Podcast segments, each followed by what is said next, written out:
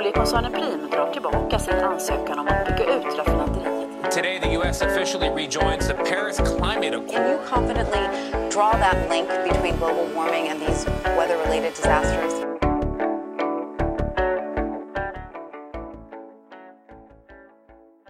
Välkommen till ett nytt avsnitt av Planet och politik med mig, Lovan Stovatt. Eh, det är så roligt att ni lyssnar på det här. Eh, idag ska vi prata mer om havsbaserad eh, vindkraft. Som ju är liksom, ja, ändå får man säga det senaste skriket inom energiproduktion.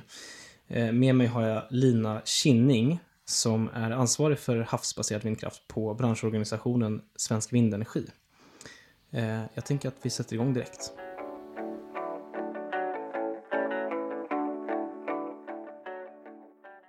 Då kör vi igång. Lina, välkommen till podden. Tack så mycket, kul att vara här. Ja, jätte, jättekul. Vi har ju spelat in lite sådär vindavsnitt tidigare. Eh, Jag har snackat lite vätgas och sådär med Svante Axelsson. Men nu är det liksom havstema här. Havstema, havsbaserad vindkraft. Ja, Mm. det är ju, alltså det känns som att det är verkligen det senaste skriket. Det är liksom det, det absolut mest trendiga. Tycker i alla fall jag. Och om man lyssnar på regeringen så är det ju också Ja, regeringen är väldigt tydlig. väldigt tydlig med att det är, det är havsbaserad vindkraft som är i ropet.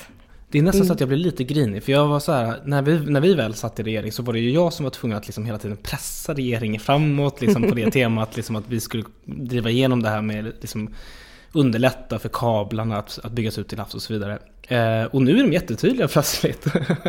det krävdes att vi skulle lämna. Ah, ja. Eh, nej men om vi börjar där bara. Jag, eh, först ska jag bara säga, eh, du är ansvarig för havsvind på, på eh, Svensk Vindenergi. Ja, Eh, och din, berätta bara snabbt, Svensk Vindenergi, branschorganisation. ja Eller? det är branschorganisation för vindkraftsbranschen och inte bara de som bygger vindkraft utan vi har medlemmar även i elanvändnings, på elanvändningssidan. Vi har medlemmar i, på, i, hela, hela värdekedjan egentligen, projektutveckling, eh, ägare och så vidare. Har ni också andelsföreningar eller liksom den typen av? Nej, de- det är, en de annan, det är en annan branschförening Ja, det är så. Ja, Ja. just det, just det. Ni har, ja, men jag förstår. som heter Svensk vindkraftsförening. Ja, men exakt. Ja, men det, just det. Mm. Ja, vad kul. Men, eh, du känner ju till det. Miljöpartiet eh, och jag brinner ju väldigt mycket för havsvinden och vi har ju liksom pekat ut det som, vad ska man säga, eh, nästa stora grej ändå. Alltså det här är liksom, vi kommer bygga ut på, på land väldigt mycket. Vi har redan gjort det på mycket. mycket. Eh, vi har eh, vattenkraften sedan innan, vi kommer bygga ut sol. Men vi tror ju att de, den stora, stora utbyggnaden framöver, om man tänker i, i mängd energi, den kommer ske till havet. Har vi fel? Nej, men vi tror ju att det kommer absolut att byggas till havs. Och, och att, du nämnde ju det, att den landbaserade vindkraften också kommer att, att eh, komma stort här framöver. Och vi, tror in, vi tror att allt behövs. Mm. Eh, att det kommer behövas mycket vindkraft på land, det kommer också behövas eh, vindkraft till havs.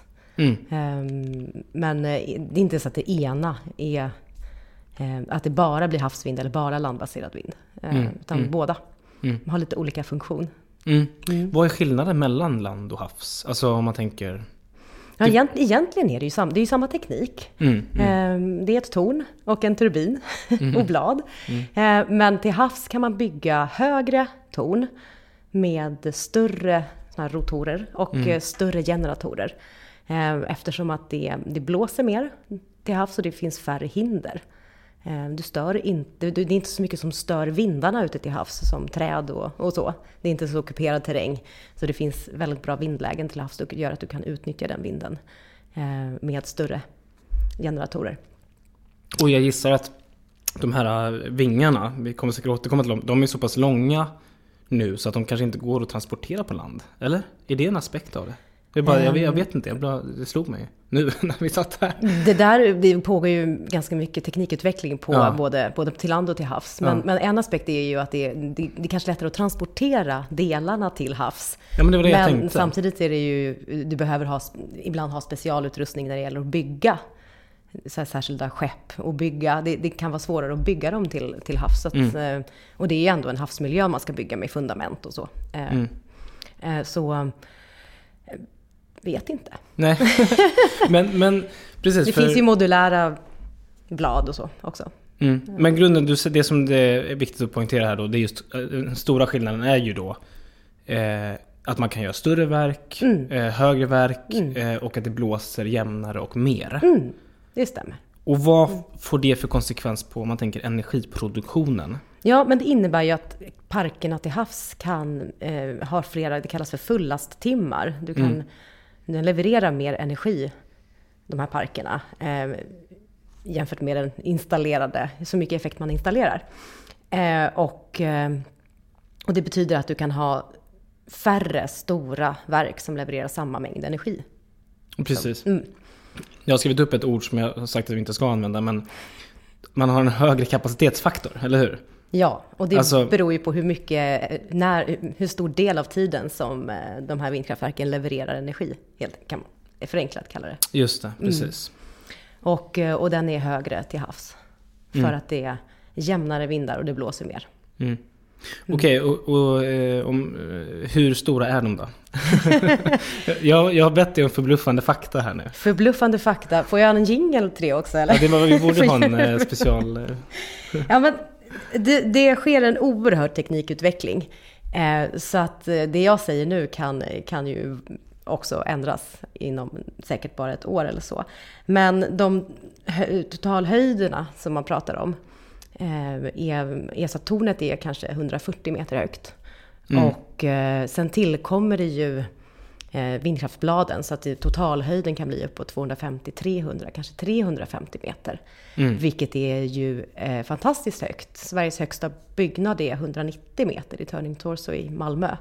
Så det här är ju markant högre än, än den byggnaden. Ehm, vi pratade om svepytan också, alltså hur, hur många kvadratmeter som en, ett vindkraftverk täcker med när det snurrar. alltså, dia, dia, vad heter det? Diametern. Diametern, alltså Mm. eh, precis. Hur stor är den totala ytan som, de, som man sveper? Det är ungefär de fem fotbollsplaner per verk. Fem fotbollsplaner per verk, ja. Mm. Just det. Ja, Så det, det är ju väldigt stora konstruktioner vi pratar om här. just det. Och då kan man ju undra hur stora blir parkerna?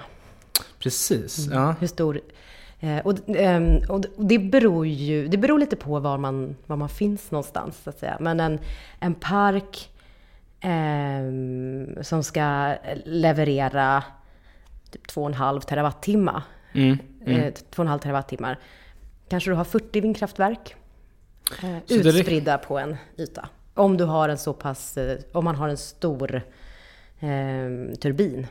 Så pass stora turbiner man kan ha till havs. Så egentligen om man, om, man ska sätta, om man ska översätta det här då. Säg att man ska bygga en park som då ska motsvara ett kärnkraft, en kärnkraftsreaktor. Då Mm. kanske man landar på bara 70-80 verk. Ja, om Ja, de är så ungefär. pass höga. Ja. Och det är ju precis. Men ja, det är till och med, jag tror jag läst att det är ju, det kan, de här absolut senaste tur, turbinerna, 16 megawatt. Mm. Nu blir det mycket siffror och, och sådana här förkortningar. Man kan ju jämföra det med att till, på land så är, har de ju varit fem, sex. Ja, ja men precis ja, Mm. Så exakt. nästan tre gånger. Nästan tre gånger effekten, mm. eller hur? De här senaste som kom. Ja. Och då, vad fasen, jag räknade på det där och hur var det nu då? Jo, om man då skulle, om man då skulle eh, producera energi som motsvarar ja, det målet som vi har satt upp. Mm. Miljöpartiet, vi har satt upp ett mål på 90 terawattimmar.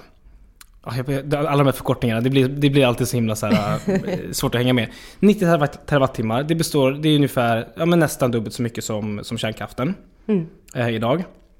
Så säg att vi skulle ha ett mål då om 90 terawattimmar, dubbelt så mycket som kärnkraften idag. Hur många skulle det krävas för det? Och då räknade vi på det där och då landade vi i att med den här nya tekniken så skulle det krävas bara tusen verk. Lite drygt. Ja, Ja. Jag har inte räknat Nej, på det, nej, jag- det det, kan vi kolla sen. Jag tänker inte men, men, men, men poängen men- kanske inte är exakt antal verk utan att det inte kommer vara hela kusten kommer vara full med stålskogar. Det är väl det som Exakt. egentligen är Exakt. poängen av det. Att, att i teknikutvecklingen möjliggör färre verk eh, som ger samma mängd energi så att säga. Eh, Ja men det är det som är så otroligt. Mm. Alltså just det här. Det finns någon sån supercool graf som visar hur eh, antalet verk i Sverige antagligen kommer bli detsamma mer eller mindre. Det kommer öka kanske lite men, Mm. Men sen kommer. Mm. det plana ut helt. Men effekten kommer bara öka, öka, öka, öka. Mm. Tills vi når liksom hundratals terawattimmar eh, i Sverige. Och det är bara på grund av den tekniska utvecklingen. Så att liksom Generatorerna blir, blir större. Alltså vi, vi, man tror ju inte att, de kan, att den teknikutvecklingen kan ske hela tiden, men kurvan är nästan exponentiell. Ja, ja, ja, ja. Alltså att det Och förr eller senare så. Mm. förr eller senare så lär man ju slå in i ett tak. Men då kommer ju liksom, eller i all- i alla fall ett tak vad gäller storlek. För Vi har kan inte sett taket på eh, turbineffekt ännu. Nej, vi har inte det Nej. eller? Det är otroligt. häftigt. Det är otroligt. Men jag tänker att förr eller senare kanske man kommer till en... Men även, även då kommer ju liksom själva tekniken raffineras och, och bli bättre, tänker jag. Det- Eh, och, det, och det som är viktigt att komma ihåg här, som jag, jag, jag brukar försöka förklara detta så fort jag får tillfälle att göra det. Det är att vi har redan byggt väldigt mycket vind i Sverige idag. Så på väldigt många ställen så står det vindkraftverk. Sen när de har tjänat ut sin tid och, och blivit gamla, då ska de bytas. Och då kan vi ju liksom kapa ganska många av dem. Jag tror att det var, det var några vindkraftverk på Öland eller Gotland nu som skulle bytas. Och då tror jag det var, jag tror att det var 12 vindkraftverk. Och eh, nu byggde man istället fem när de skulle bytas. Men man tredubblade ändå effekten. Jag tror att det var så. Någonting, jag, jag, jag vet inte, jag läste det nyligen. Det är en otrolig eh, liksom, otrolig utveckling. Och då var de gamla, så då var ju de 20 år gamla eller något sånt. Ja, ja, ja. ja, det beror ju på. Dubblar du effekten på, på verket så behöver du ha hälften så många. Så att Exakt. tredubblar du så behöver du ha en tredjedel så många. Så att, Ja. ehm, det där är superhäftigt, Mm. den utvecklingen. Eh, och, och sen, ja, det finns massa, massa att säga kring teknikutvecklingen. Eh, men det är ju också...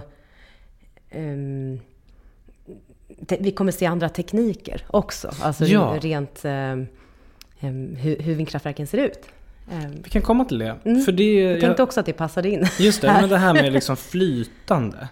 Mm. Om vi, först, de som är mest vanliga nu, det är att man berättar om dem. Man kör ner dem i botten helt enkelt. Ja, de ser, de ser väldigt lika de vindkraftverk vi har, vi har på land. Ehm, med att man har ett fundament som, Ja. man, som man måste förankra i botten på olika sätt. Så finns det olika tekniker att göra det såklart. Eh, beroende på vad det är för typ av bottnar. Eh, Men, eh, men det har ju också kommit en teknik med flytande vindkraftverk där man inte behöver gjuta bottenfundamenten på det sättet utan, utan det är som en stor flytboj som vindkraftverket står på och sen så förankrar man vajrar. Ehm, Man skulle kunna jämföra det kanske med liksom hur man med oljeplattformar och, och den typen av ehm, annan, annan teknik som man har jobbat med mycket till havs. Men det är fortfarande så att de är ganska tidigt stadie eh, teknikutvecklingsmässigt. Så de är fortfarande, eh, har fortfarande haft en mycket högre produktionskostnad än den andra konventionella vindkraften. Det där håller på att, eh, det håller också på, den prisutvecklingen ser vi också eh, minska. Mm, mm, mm. Och det finns en del fördelar med det här flytande för att då kan man bygga ännu längre ut. Ja, man kan bygga på djupare vatten. Eh, Precis. För om man ska bygga med på att man pålar ner i marken eller i botten eller fundament och sådär, då måste man helst Kanske det är svårt att göra efter att det blir för djupt. Alltså det blir, om det blir till exempel, vad är det, mer än 60 meter kanske, något sånt där. Ja, även något- där sker ju en utveckling, att man kan bygga på djupare vatten Ja, med okej. konventionella. Ja, verk. mm. Men, men det, är väl, det är väl en sån fördel man kan ha med dem, ehm, med de flytande. Och längre ut brukar det blåsa mer. Så då blir det... Precis. Eh, precis. Då får du den effekten. Samtidigt måste man ju säga att bygger man längre ut så behöver du dra längre kablar med elen in till, in till land. Mm, vilket är en kostnad också, ja, förstås. Ja, så att... ehm, ja, och längre kablar är ju alltid... Du, du, får, du har överföringseffekter i, i, ehm, i kablar av elen och så. Mm. Ehm, förluster i, i överföringen. Så Mm. så att det, det, det krävs, mer, krävs mer sofistikerad teknik om du ska ha längre kablar för att få in samma el in i... Just det, just Mm. det. Ehm, just det. Jag tänkte vi ska komma till... Just nästa del som handlar om just teknikutveckling är ju det här med att man kombinerar vinden med andra tekniker. Mm. För det, ehm, vi pratade lite om det med, med Svante Axelsson i ett tidigare avsnitt, just vätgas. Ja, För det är ju en liksom så här, trend att man pratar mer och mer om just att ja, men det blåser ju inte alltid, ja, men hur ska vi kunna liksom göra vinden mer planerbar? Precis, och vi brukar säga det att, eh, att planerbarhet är ju inte ett kraftslag i sig. Nej, Utan att det är en, system, en funktion i systemet. Och, eh, och ett sätt att parera kan man säga att det inte blåser jämnt eller att det blåser väldigt, väldigt mycket när det kanske inte behövs, när elen inte behövs, är ju att lagra den. Mm. Eh, och använda den sen när den, man kanske har ett två veckors lager eller ett veckolager, beroende lite på vad man har för behov. Eh, och då kan man lösa det på olika sätt, antingen med, med batterier eller med vätgas som du eh, nämnde. Och vätgas är, är, of, of, är, ofta det som man pratar om när det gäller havsbaserad vindkraft, för att det, det, eh, man planerar liksom kombinationsproduktionsanläggningar av vind Mm. och vätgas. Eh, och då kan man transportera antingen elen eller så transporterar man vätgasen. Eh, Eller man båda två. Eller hur? Mm. Och lite, lite beroende på, du kan lagra in elen i vätgas, som ju också är en energibärare, precis som el. Och sen så kan du använda vätgasen eh, när det inte blåser. Det, att, att föra tillbaka vätgasen till el är oftast ganska stora överföringsförluster. Men, man, men vätgasen är ju en råvara och ett bränsle och kan användas i andra att, att bära över energimängderna. Och inte in, det behöver inte alltid vara elen. För el är ju, kan vara lurigt att lagra. Den behöver man ju använda direkt. Liksom. Alla känner inte till vätgas så bra, men, så, men bara som en liten bakgrund kan man ju säga att Säg då till exempel att vi har eh, en stor vindpark utanför Oxelösund som där eh, SB, SSAB har sitt stålverk. Och så har vi kanske eh, en elkabel som går in, så kan de använda elen där. Och så har vi en vät, så har vi vätgasproduktion där ute. Så att vi producerar vätgasen eh, och den här kan vi också då dra in till eh, det här stålverket. Och så kan de använda gas i produktionen. Och då så märker de att ja, men om det plötsligt inte blåser så mycket, ja, då kan de istället dra ner på elanvändningen och öka gasanvändningen kanske. Eller det kan liksom balansera. Ja, man använder gasen för att balansera el, elanvändningen. Eh, då är man inte så beroende av att ha en jämn elleverans Ja, i de, i de fallen. Mm, Och, och liknande projekt eh, pågår ju uppe, framförallt uppe i norra Sverige, det stora Exakt. vätgasprojekt. LKAB är ju ett, en sån eh, aktör som eh, också har pratat om att de vill lagra elen, inte bara i vätgas, utan de lagrar elen i järnsvampen direkt. Ehm, Att man använder, att man helt enkelt eh, använder elen när det finns gott om el. Och sen har man en lagerkapacitet. Ehm, i vätgasen. Så det, det är ju ett sätt att utnyttja energimängderna i vinden på ett, ett smart sätt och göra att, att det blir ju en, du kan ha en mer planerbar användning. Och just kopplat till havsvind kan man säga att de som ligger ganska långt framme här är ju Danmark som då pratar om energiöar. Alltså då, då helt enkelt bygger man en ö och så har man en massa havsvind runt den ön och på den ön så har man vätgasproduktion. Och jag menar det är ju bara att titta på en av de sektorerna som ligger längst bak i omställningen. Det är ju ehm, eh, alltså eh, hav, vad heter det? Alltså transporter på, havs, på havet. Alltså Sjöfart. Sjöfart säger man. eh, och det är ju en jättebra synergi också. Om Absolut. man tänker sig att liksom, eh, fartyg i stor utsträckning ska kunna tank, tanka vätgas och använda. Ja, där har man ju pratat om att, att använda, att oms, omställningen i sjöfarten beror, av, beror på vätgas och de bränslen man kan tillverka av vätgasen, till exempel metanol, ammoniak och så vidare. Precis. Så där, där får ju vätgasen en funktion som en råvara. Mm, mm. Otrolig användnings... Eller synergieffekt. Liksom. Absolut. Ehm, ja, de här energiöarna, kom, vi kommer se en av dem från eh, Sverige. Bornholm verkar vara en, en av de första platserna Okej. de, de gör det här på. Mm. Gud vad spännande. Ja, Det finns ju otroliga, otrolig potential i det där alltså. Eh, Och vi ser till exempel, i, apropå synergier, så ser vi också i, i Tyskland att eh, stora kemiföretag som annars inte har, eh, inte har eh, jobbat så mycket med, med, eh, med vindkraft till exempel, sluter avtal med, med stora havsvindsparker för att just kunna eh, få tillgång till el. Och de har ju också möjligheter att, att, att variera sin produktion beroende på tillgång till el. Mm, mm, mm. Eh, innan vi, vi ska prata lite mer om så här, de globala, den globala potentialen och så vidare. Men innan vi går in dit så måste vi också bara gå igenom den här, de här invändningarna som finns.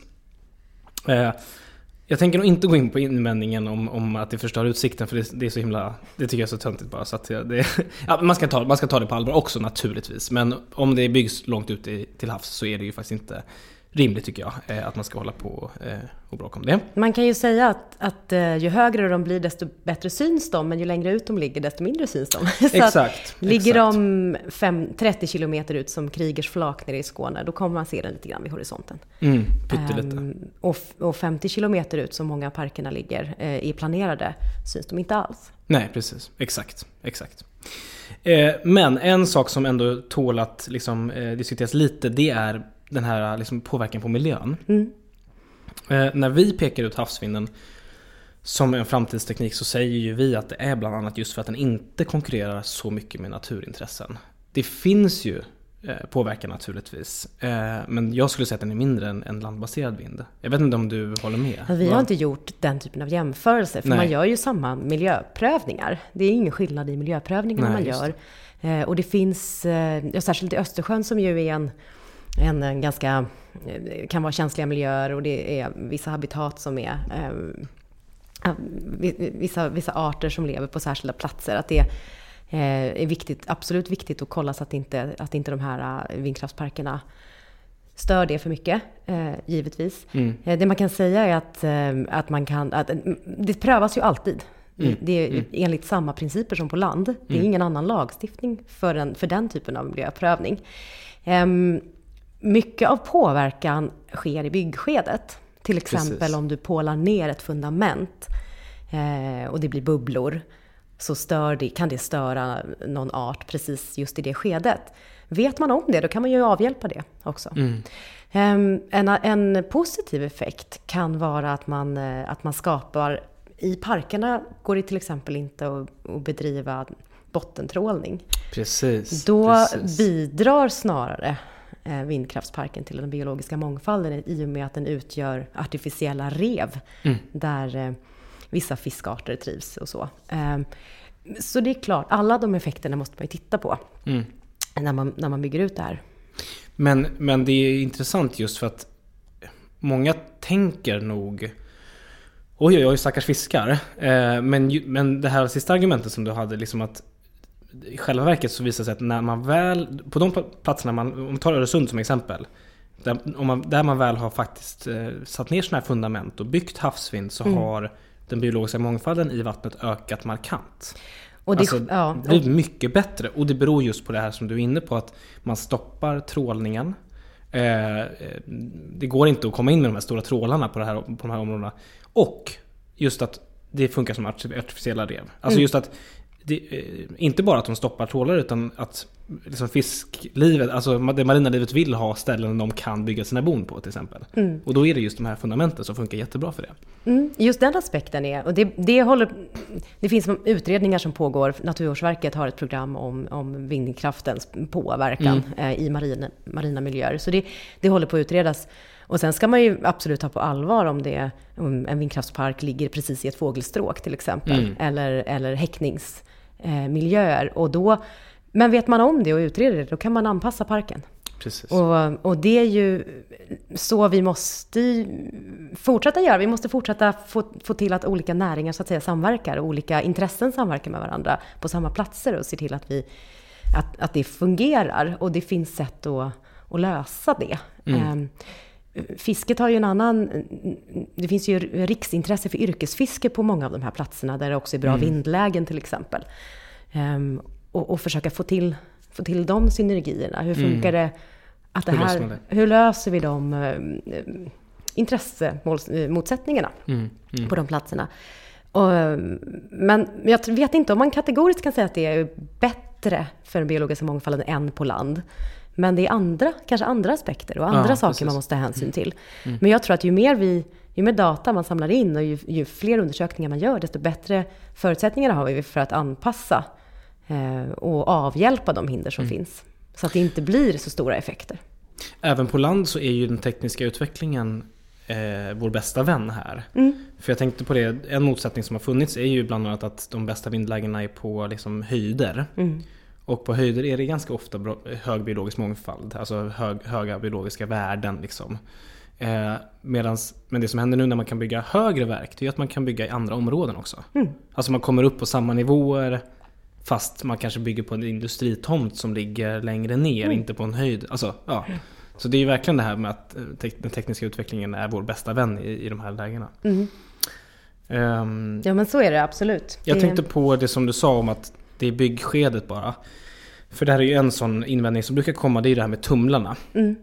Att tumlarna blir ju väldigt stressade om, man, om de hör de här ljuden när det bankar ner. Men även där har jag förstått det som att det finns ganska många bra tekniker man kan Mm. använda. Alltså, du nämnde bubblor som kommer av det, men man kan också använda bubblor för att dämpa ljudet. Till exempel om jag förstår, sådana här bubbel...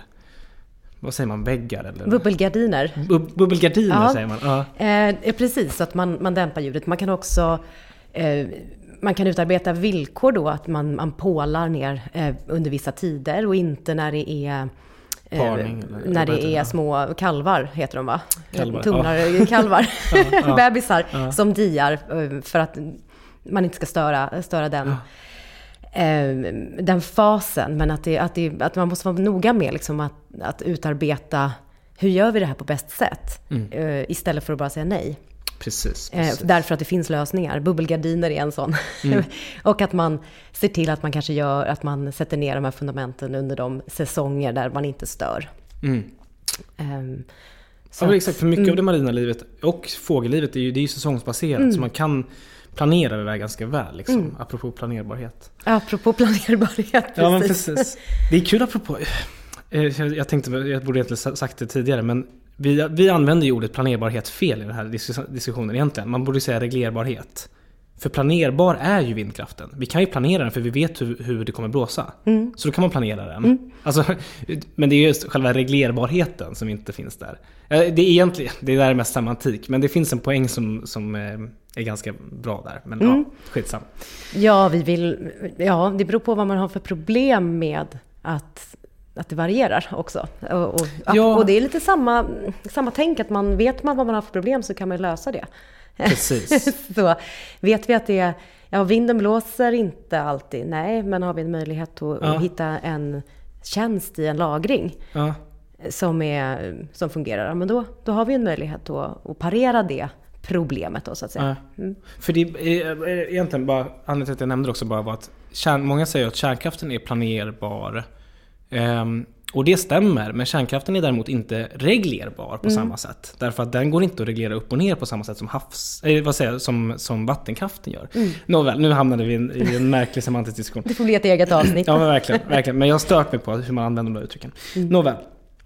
Eh, men det var lite så här bakgrund, vad är havsvind? Men jag- om vi, tar, vi ska gå in på snart tänker jag så här, vad, är, vad behöver vi i Sverige för att vi ska liksom kunna bygga ut eh, rejält?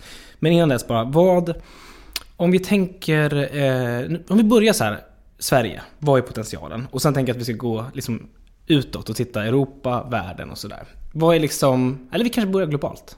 Vad, hur ser det ut globalt nu? Jag läste i Kina har de ju investerat enormt nu. Mm. De Alltså- har ju be- installerat mer än, än vad det redan finns installerat i Europa I- på ett år, eller ja, Ja. förra året. Så det, det kommer stort, och flytande kommer väldigt stort, bland, framförallt i Taiwan. Ja, det är det va?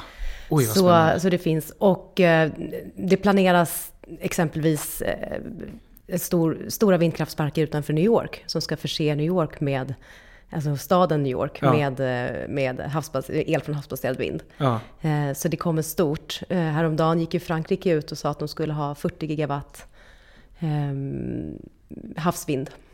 Vilket är enormt. Det är enormt. Jag förstår inte hur de ska få plats med det, men de måste de bygga ännu längre ut i Atlanten antar jag. Ja, Och Skottland. Skottland. 25 gigawatt va? Mm. Och bara för att återigen dra, dra en jämförelse så att man fattar. 25 gigawatt är alltså mer än vad som någonsin har tagits ut i effekt i Sverige. Om jag förstår rätt.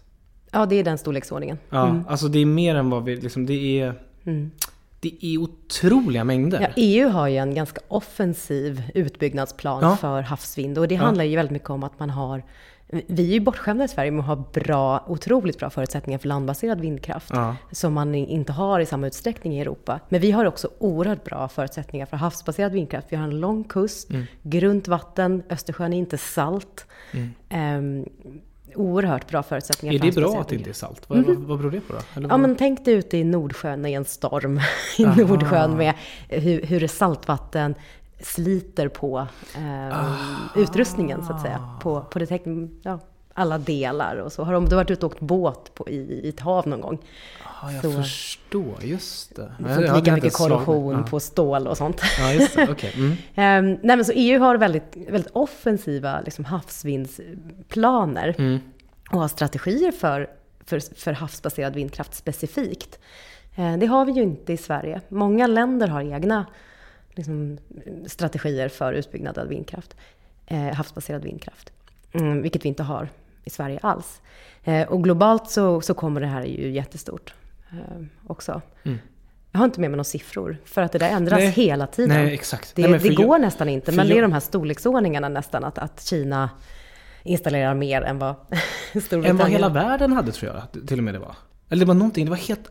Och för, för jag bara såg den, såg en sån graf där man säger så här, Mm. ökningen globalt och sen så bara på ett år, boom, Mm. kommer Kinas stora bulk. Och det är bara början. För de, har ju, de, de kommer fortsätta jättemycket med det. Mm. Otroligt eh, fascinerande. Ja, men det är lovande också att man satsar på den förnybara utbyggnaden. Att man inte, att man inte fortsätter bygga kolkraft. Exakt, det gör de väl delvis ändå, tyvärr. Men inte i samma utsträckning nu, eh, faktiskt. Mm. Ehm, och nu bara senast var väl att Norge också kommer med en stor upphandling nu. Mm. Norge går ut också och, och det kanske man ska nämna i det här sammanhanget, att det, att det finns lite olika system för utbyggnaden i, i, i Europa och i Sverige. Här, här har vi inga auktionsbaserade system som man har i övriga Europa och i övriga världen, där, man, där staten pekar ut var den här eh, energiproduktionen ska ske. Det har vi inte i Sverige, utan här, Nej. är det, här, här är det lite fritt fram. Men, men man- det ska såklart miljöprövas. Men det gör ju att man kanske får igenom projekt snabbare. Eh, I andra länder. I andra länder där man, får, man- där man pekar ut en plats och man ordnar tillstånd och är överens med Försvarsmakten och sådär. Och egentligen bara för att förklara det ytterligare. Eh, man- staten säger, här har vi en plats. Mm. Vem kan bygga en park billigast? Egentligen kan man säga. En auktionering. Rakt av. Och att man ordnar, eh, ordnar med anslutning in till stamnät Ja, och sådana det, saker. just det. Ehm, för det är ju också någonting som man måste sköta på egen hand här. Eh, Så det finns ju såklart för och nackdelar med, med, med de här systemen. Men vi kan ju konstatera att det inte byggs just nu i Sverige någonting. Vi kan komma till det Mm. alldeles strax. Men bara, så, eh, just det, eh, Norge. Det intressant sak med Norge bara, det är att de har ju, där har ju vindkraftsopinionen tyvärr svängt ganska mycket. Så att de är ganska skeptiska till vind på, på land och sådär. Men ändå positivt att se nu att de ändå går vidare med havsbaserad vindkraft. För de har, det har ju planat ut vindutbyggnaden. Mm. Eh. De, de har haft väldigt stora lokala motståndskampanjer Ja, i Norge. Exakt. Det som kan tala för den havsbaserade i Norge är att de har en oerhörd kompetens på offshore. De Mm. har jobbat oerhört mycket med, med, med olja ju i Norge. Exakt. Och eh, om de använder den, både den utrustningen och den eh, liksom kompetensen och istället jobbar med havsbaserad vindkraft, det är ju en oerhörd vinst Mm. eh, för alla. Och återigen bara för att beskriva storheten här. Deras eh, liksom auktionering nu, den är ju liksom inte särskilt eh, stor om man jämför med Skottland eller, eller Frankrike. Men den är fortfarande motsvarande, jag tror över fyra kärnkraftsreaktorer eller sånt där. Så att det är ju fortfarande enorma mängder el. Och det är där, och det, är liksom det som är vad ska man säga, om man jämför då liksom med, med landvind eller annan elproduktion överhuvudtaget, att det är sådana stora mängder. Och det är ju ja, det är en, en, sån stor styrka för den havsbaserade vindkraften. Vi eh, har ju räknat lite på potentialen, du nämnde potentialen, hur mycket vi skulle kunna producera. Ja men låt oss komma till det, Sverige. Ja. Om, vi tittar, om vi går till Sverige nu mer. Ja, vad, vad, vad är det då? För att eh, vi använder ju ungefär, bara för att få en, en jämförelsesiffra, vi använder ungefär 140 terawattimmar el idag Mm. i Sverige totalt. Eh, och vi har gjort en studie på att det kan produceras eh, havsvind. Den tekniska potentialen är ungefär 700 terawattimmar i Sverige. mm, Det är inte den ekonomiska potentialen, men det finns en teknisk potential som är enorm. Så sex gånger mer än, vad blir det? Sex gånger mer än, jag kan inte räkna. Fem, sex gånger mer än, än vad vi använder. än vad vi Sverige. använder idag. Och sen kommer inte alltid byggas. Eh, Det, men det ligger in ansökningar om väldigt, väldigt mycket Ja, 500 produktion. nästan. Nästan 500. Och det, det finns ju... Vi, allt det kommer ju kanske inte byggas heller. Men man kanske säger att det kommer till en, en, en mellan 60 och 100 terawattimmar havsvind före 2050. Ja, vårt mål var som sagt 90 till 2040. Det är ju realistiskt om man tänker. Det skulle kunna ske. Det beror ju lite på. Ja, precis, Eftersom att det inte byggs Ja, någonting nej. just nu. Och det, det är en liten paradox egentligen. Vi har oerhört bra förutsättningar i Sverige för, eh, för att bygga havsbaserad vindkraft rent, rent tekniskt. Liksom, vi har en jättelång kust, som jag sa, grunt och det är eh, bra lägen eh, vindmässigt. Så. Eh, men det, det byggs ingenting eh, som det är idag. Eh, Och vad beror det på då? Om vi kommer till det. Ja, det finns ju, dels så är det, det är ett väldigt krångligt eh, tillståndssystem där, där man måste ansöka om tillstånd i, i det, det ser lite olika ut beroende på var man är någonstans, hur nära kusten man är kan man säga. Men man måste söka hos jättemånga olika instanser och de här tillstånden riskerar att liksom löpa ut mellan, mellan det att man får nästa tillstånd så att säga. Eh, Så att det, det är en krånglig tillståndsprocess. Och sen så har det helt enkelt varit för dyrt att, att, att bygga. Det har, inte, det har inte varit lönsamt. Och som det ser ut nu så är det ju den landbaserade vindkraften som har lägst produktionskostnad och som, som gör att det är lönsamt att bygga. Eh, Och vi ser ju att den havsbaserade kommer dit. Eh, Men det har fortfarande varit alldeles för, för höga produktionskostnader. Och då har det, det har ju varit hög, högt eh, och skälet till att det har byggts i andra länder då har ju varit den här, de här auktioneringarna. Som ju på, man kan ju säga, jag vet inte, ja det är ju ett statligt stöd kan man säga. Ett indirekt stöd, att, man, att staten upphandlar det helt enkelt kan man säga. Så att då, då är det ju, makes det mer sense att, att det har byggts. Men det har vi inte haft i Sverige. Sen har vi, de har haft väldigt mycket högre elpriser i Europa Så är det. också. Så är det. Och Eh. inte samma förutsättningar att bygga landvind. Och inte Och samma det- förutsättningar exakt. att bygga landvind. Så då har, man har ju haft andra stöd för förnybar utbyggnad. Landbaserad vindkraft i Sverige behöver ju inga stöd. Man hade ju elcertifikatsystemet och nu är det utfasat. Mm, precis. Så eh, det kommer ju inte behövas för Mm. den landbaserade och för den havsbaserade har vi ju inget, inte något elcertifikatsystem. Ehm, Men så då är är det att, om vi börjar med, det- med priset då. Vi kan återkomma till de andra eh, problemen med olika instanser. Men priset, det kommer gå ner men det är ännu inte där. Mm. Men då har ju regeringen nu, mycket tack vare att jag har bråkat om det här i många år.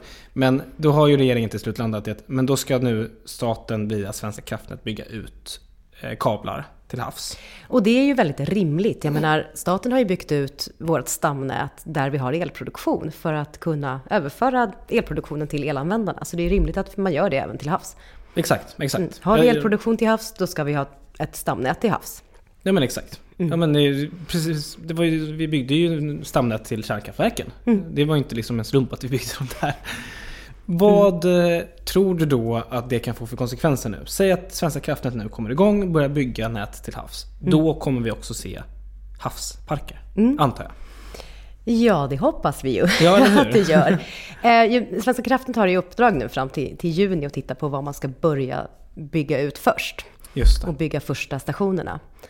Eh, och det är ju inte helt okomplicerat att få in så här mycket el in i det befintliga elsystemet när vi har när, vi, när det är trångt. Det, det, har väl troligen inte undgått någon att det är trångt i befintliga elnätet och särskilt i södra Sverige då.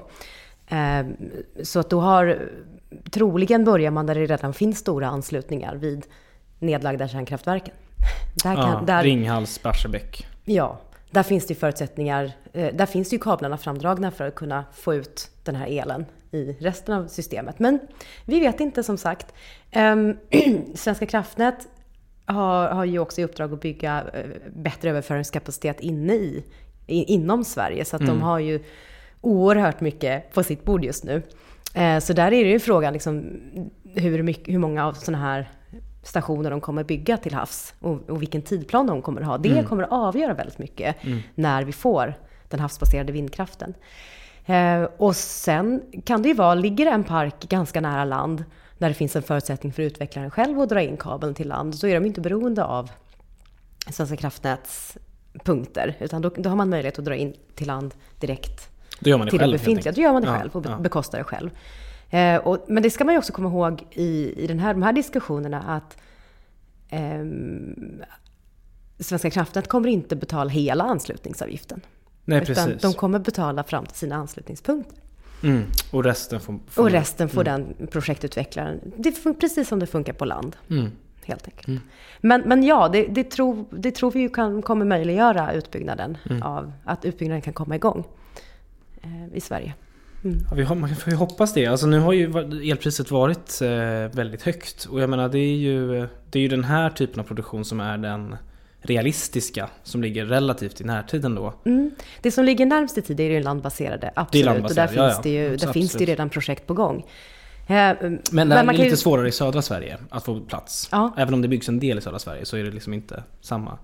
Nej, utan men, men det handlar ju också om, det är svårt och, och det är ju hela tiden ett risktagande med, med, jämfört med hur elpriset ligger såklart och hur de beräkningarna går till. Ehm, och att när de här parkerna har fått sitt tillstånd, det är då man måste börja planera på genomförandet. Och det tar en liten stund efter att man har fått sitt tillstånd, men det kan ta väldigt lång tid att få tillstånd. och sen Mm, tar det ytterligare tid, själva byggfasen är kort, men att planera och, och få till investeringar ehm, kan ta, kan ta ytterligare några år efter att man har fått tillstånd. Då. Låt oss, låt oss komma till det, för det, för det är ju en del av det här som sätter, sätter käppar i hjulet. Mm. Just eh, de här tillståndsprocesserna. Eh, det är ju förstås de, de ordinarie miljötillståndsprocesserna, ditten och datten. Men sen är det ju framförallt två aktörer som också ställer till problem. Och det är det, det lokala vetot, alltså kommunernas Mm. veto och eh, Försvarsmaktens. Vad, vad, vad, om, du får, om du får säga vilken är värst? Eller får säga. Nej men beskriv de här två eh, problemen som, som de ändå är. Mm.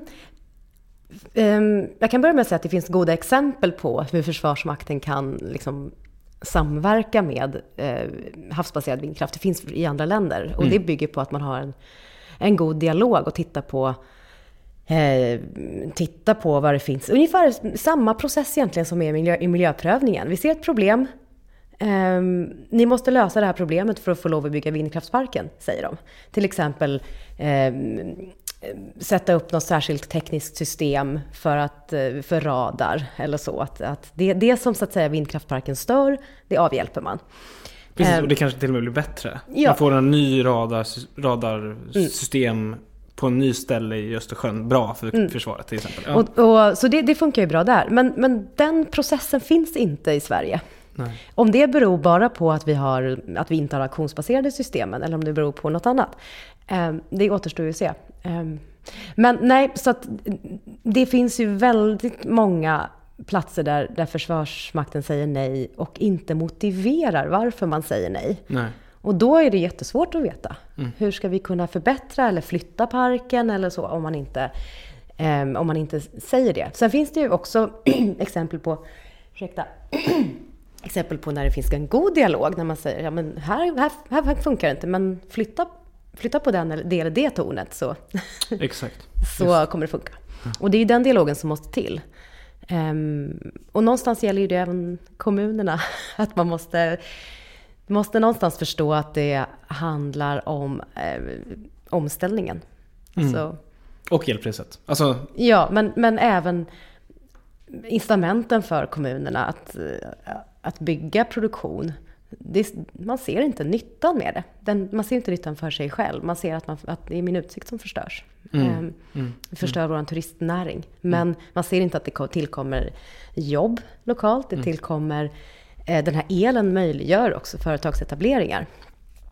Och så. Eh, så det, det ser man inte. Så där, där är det det lokala vetot som nu tyvärr verkar ha eskalerat ganska mycket. Särskilt i, i, i, kust, eh, i kustkommunerna. Ja men det är precis det här, det här jobbargumentet. Alltså jag tänker på det, bara nu nyligen så kom ju det här beskedet om att Northvolt ska bygga en ny batterifabrik i, utanför Göteborg. Och liksom att de specifikt pekar ut att vi vill så gärna ha havsvind. Vi vill verkligen, vi behöver den här energin liksom. Och liksom att det är så många projekt som planeras utanför Göteborg men nästan alla har fått nej från, från lokala politiker.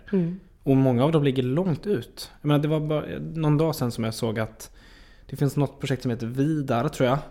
Som är en jättestor park. Eh, motsvarande kärnkraftreaktor eller någonting. Den ligger fyra mil ut.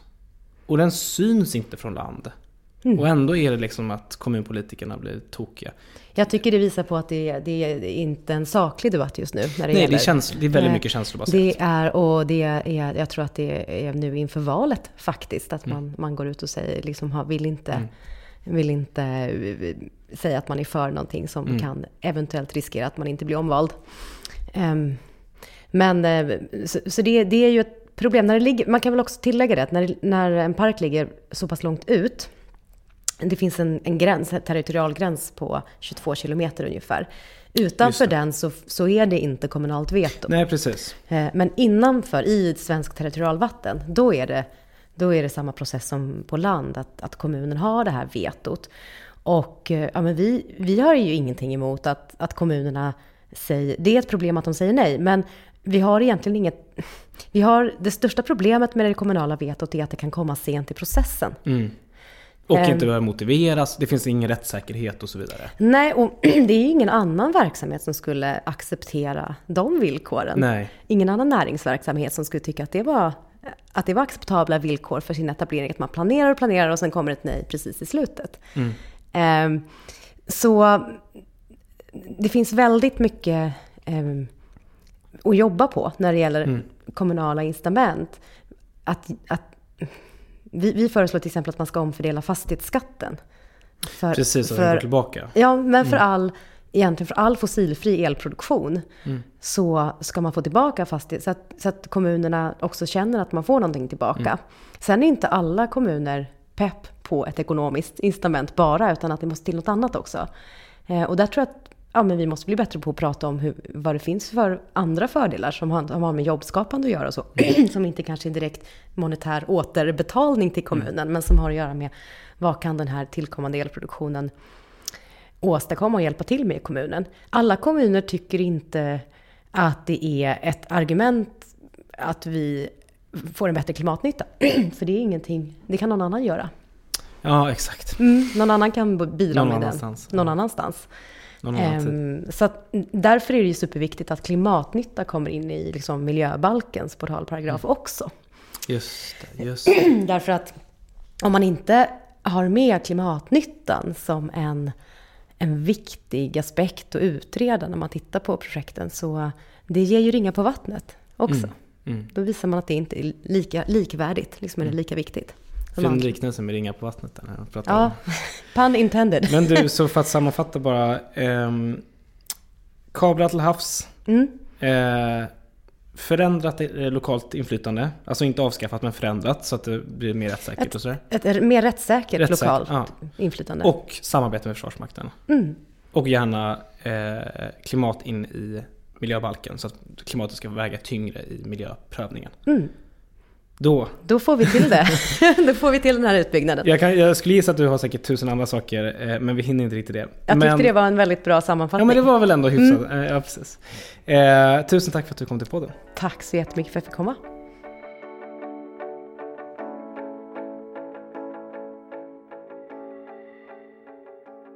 Tack för att du har lyssnat. Eh, om du vill komma i kontakt med mig så är det enklast att göra det via Twitter eller Instagram. Eh, till nästa gång så vill jag passa på att tacka Christian Hanner som hjälper mig med ljud eh, och klippning och vignett och så vidare. Eh, på återhörande.